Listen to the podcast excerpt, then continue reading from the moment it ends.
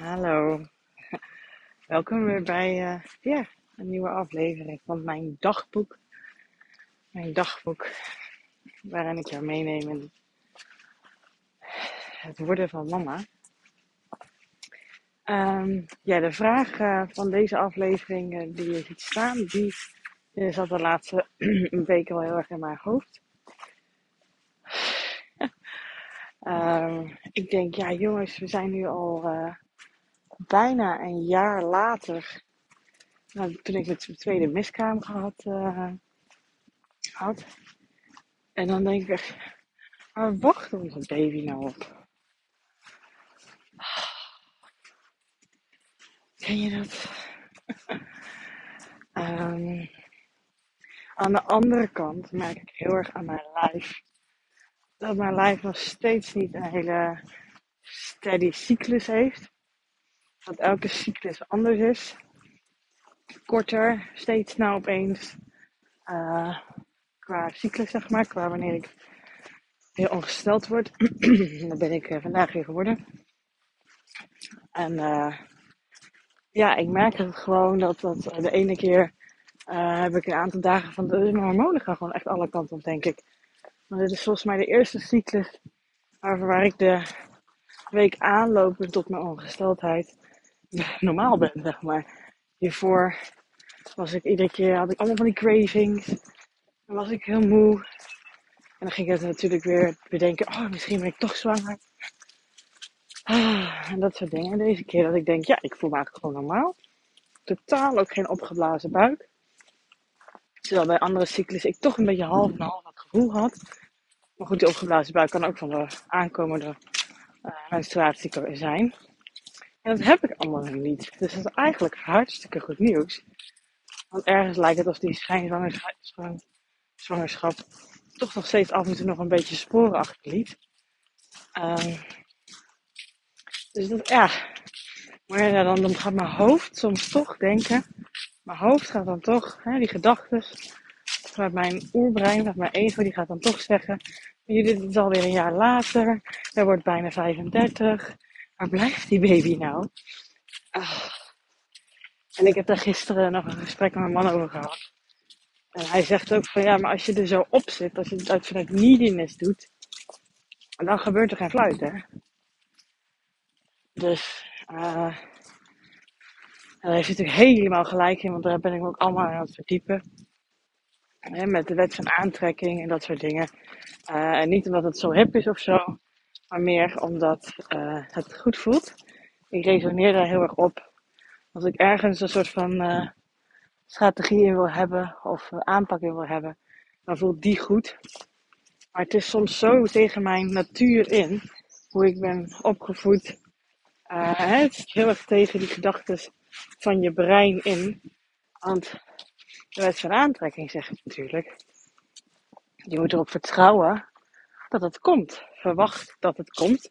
En in de tussentijd, vanuit die vertrouwen, zeg maar, ga je gewoon je dingen doen in dagelijks leven.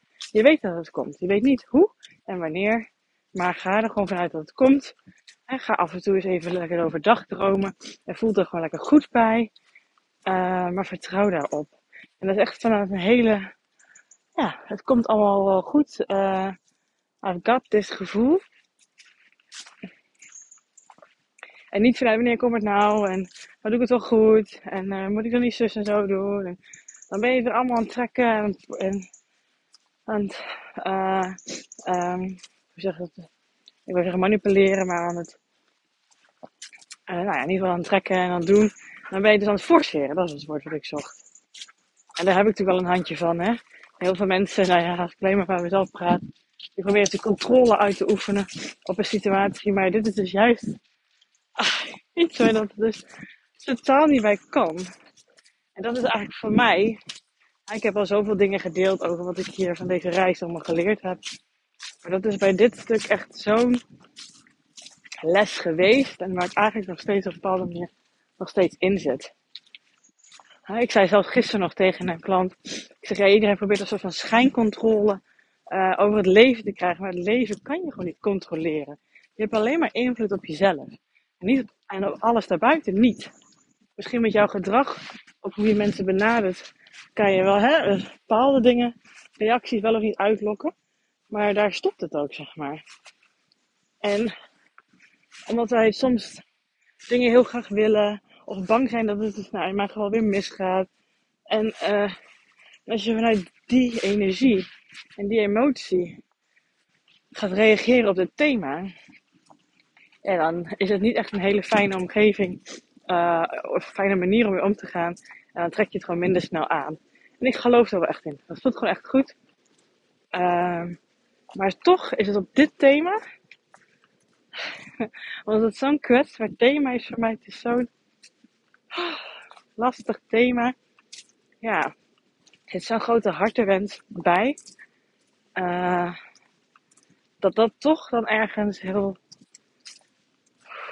lastig is, dat is niet het goede woord, maar ja, is om ook hier echt diep in te vertrouwen. Want die angst is soms zo groot en dat heeft gewoon te maken met de ervaring die ik meegemaakt heb van miskramen. En dat het, ja, ik wil zeggen dat het zo lang duurt. Maar juist deze tijd, dit jaar, het duurt zo lang. Ik denk ook, ja, ik wil daar maar gewoon in gaan geloven. Want die tijd heb ik zelf ook nodig. Mijn lijf heeft het nodig. En ik heb het mentaal nodig. En daarnaast voel ik me gewoon er ook echt klaar voor. Dat is vooral de reden waarom ik dacht, waar, blijft onze baby nou? Alleen de manier waarop ik het natuurlijk formuleer, is weer vanuit neediness. Uh, maar dat ik denk, ja, ik kan nu echt 100%, nou 98%. Oh, ik denk die 2% is nog zitten, dat stukje wat ik net zei. Uh, ik ben in ieder geval nog nooit zo klaar ervoor geweest als nu. Vorig jaar toen ik uh, twee keer zwanger werd, ja, dan voelde het echt alsof het een andere persoon was. Dat het allemaal niet ik was, mij was. Ik, ik, wist wel dat mijn leven op mijn kop ging staan, dat, het, dat ik het graag allemaal wilde. Maar ik had er nog niet echt connectie mee. En um, daarna heb ik een periode gehad waar ik er misschien te veel connectie mee had, dat ik erin verdronk. Dat ik me ermee ging identificeren. En dat als het niet lukte, dat ik me echt helemaal slecht voelde. Dat soort dingen allemaal. En nu ben ik daar weer proberen gezonde, een gezonde relatie mee te hebben. En uh, ja, weet je, mijn leven is ook gewoon echt geweldig. Ik heb een heel mooi leven. Ik zou niet weten wat naast dit thema dan, wat ik anders zou willen. Echt niet. Ik, ik, ik mag echt in mijn handjes knijpen voor hoe mijn leven eruit ziet. En ik probeer me daar meer op te focussen. Dat doe ik ook. Ik ben gewoon heerlijk bezig met mijn eigen uh, werk. En daarvan nog meer wat ik al heb. Meer tekens uit te halen. Nog meer groei uit te halen.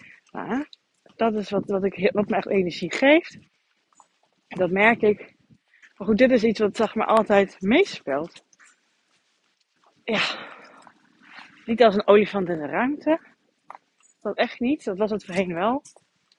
Maar het is wel dat ik denk, ja, dat is gewoon een mens. En die zou gewoon zo mooi zijn als het in vervulling gaat. En dan zit er iedere keer een soort van ja, gevechtje, conflictje intern in mij soms nog wel. Vanuit mijn ego die dan zegt, waar blijft hij nou? En uh, je wordt wel 35 hoor je het. En dan, uh, dan zakken je kansen en bla bla bla. En de andere kant, die gelukkig intussen gegroeid is meer. Er is gelukkig een andere kant. Die dan zegt, Judith, je wordt 35. Maar dat is, hè, dat is strakjes en het niet opeens dat het dan door de helft gaat. Dat, ja? En bij iedere persoon is dat anders. En vertrouw erop dat het, op welke manier dan ook, in vervulling gaat. En hoe meer je daarop vertrouwt, en ik, zoals je merkt, ik ben nog zoeken naar die woorden. Um, het is ook een gevoel.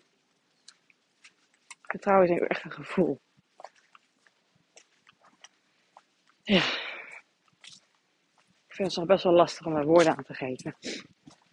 Maar daar moet ik ook een beetje in leren zakken. van, het is goed, het komt goed. Zie wat je allemaal hebt.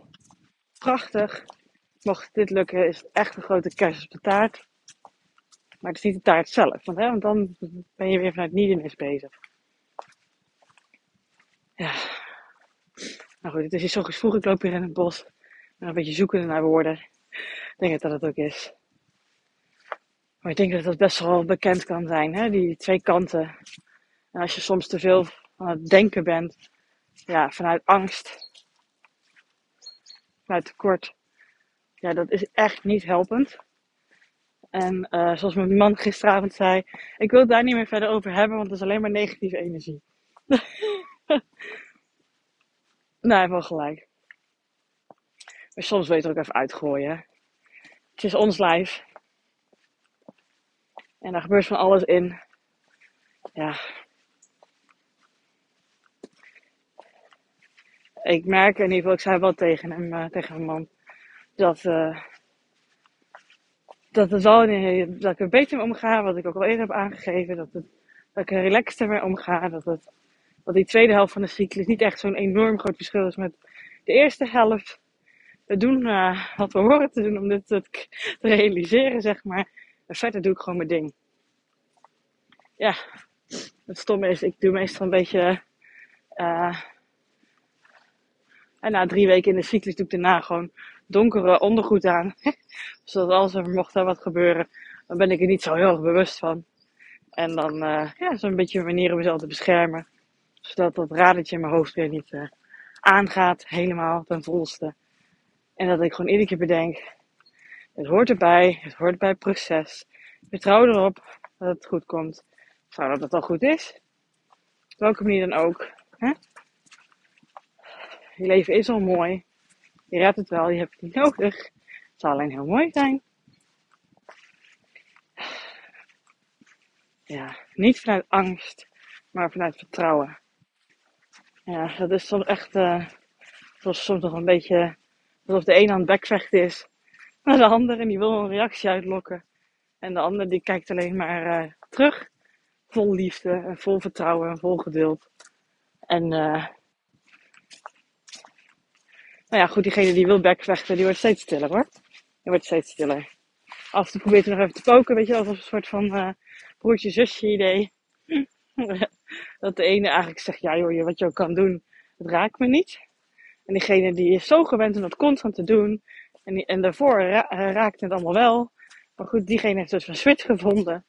Uh, en af en toe toch even poken om te zien, hé, hey, gebeurt er wat, gebeurt er wat, gebeurt er wat. En heel soms gaat die kant toch nog even luisteren.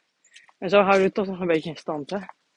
Maar goed, het is allemaal heel erg menselijk en, uh, ja, toch?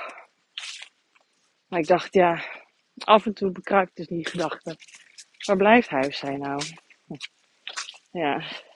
En ik probeer nu, als ik dat zo denk, tegen mezelf te zeggen: Het is heel logisch dat ik die gedachte heb. Want je wil het heel graag. En dan probeer ik mezelf even een cadeautje te geven dan. Omdat ik mezelf toespreek als een vriendin. Um, door mezelf eventjes te lekker te laten visualiseren. Visualiseren. Hoe een babytje er misschien uit zou kunnen zien hoe het zou voelen als ik een positieve zwangerschapstest um, in handen heb.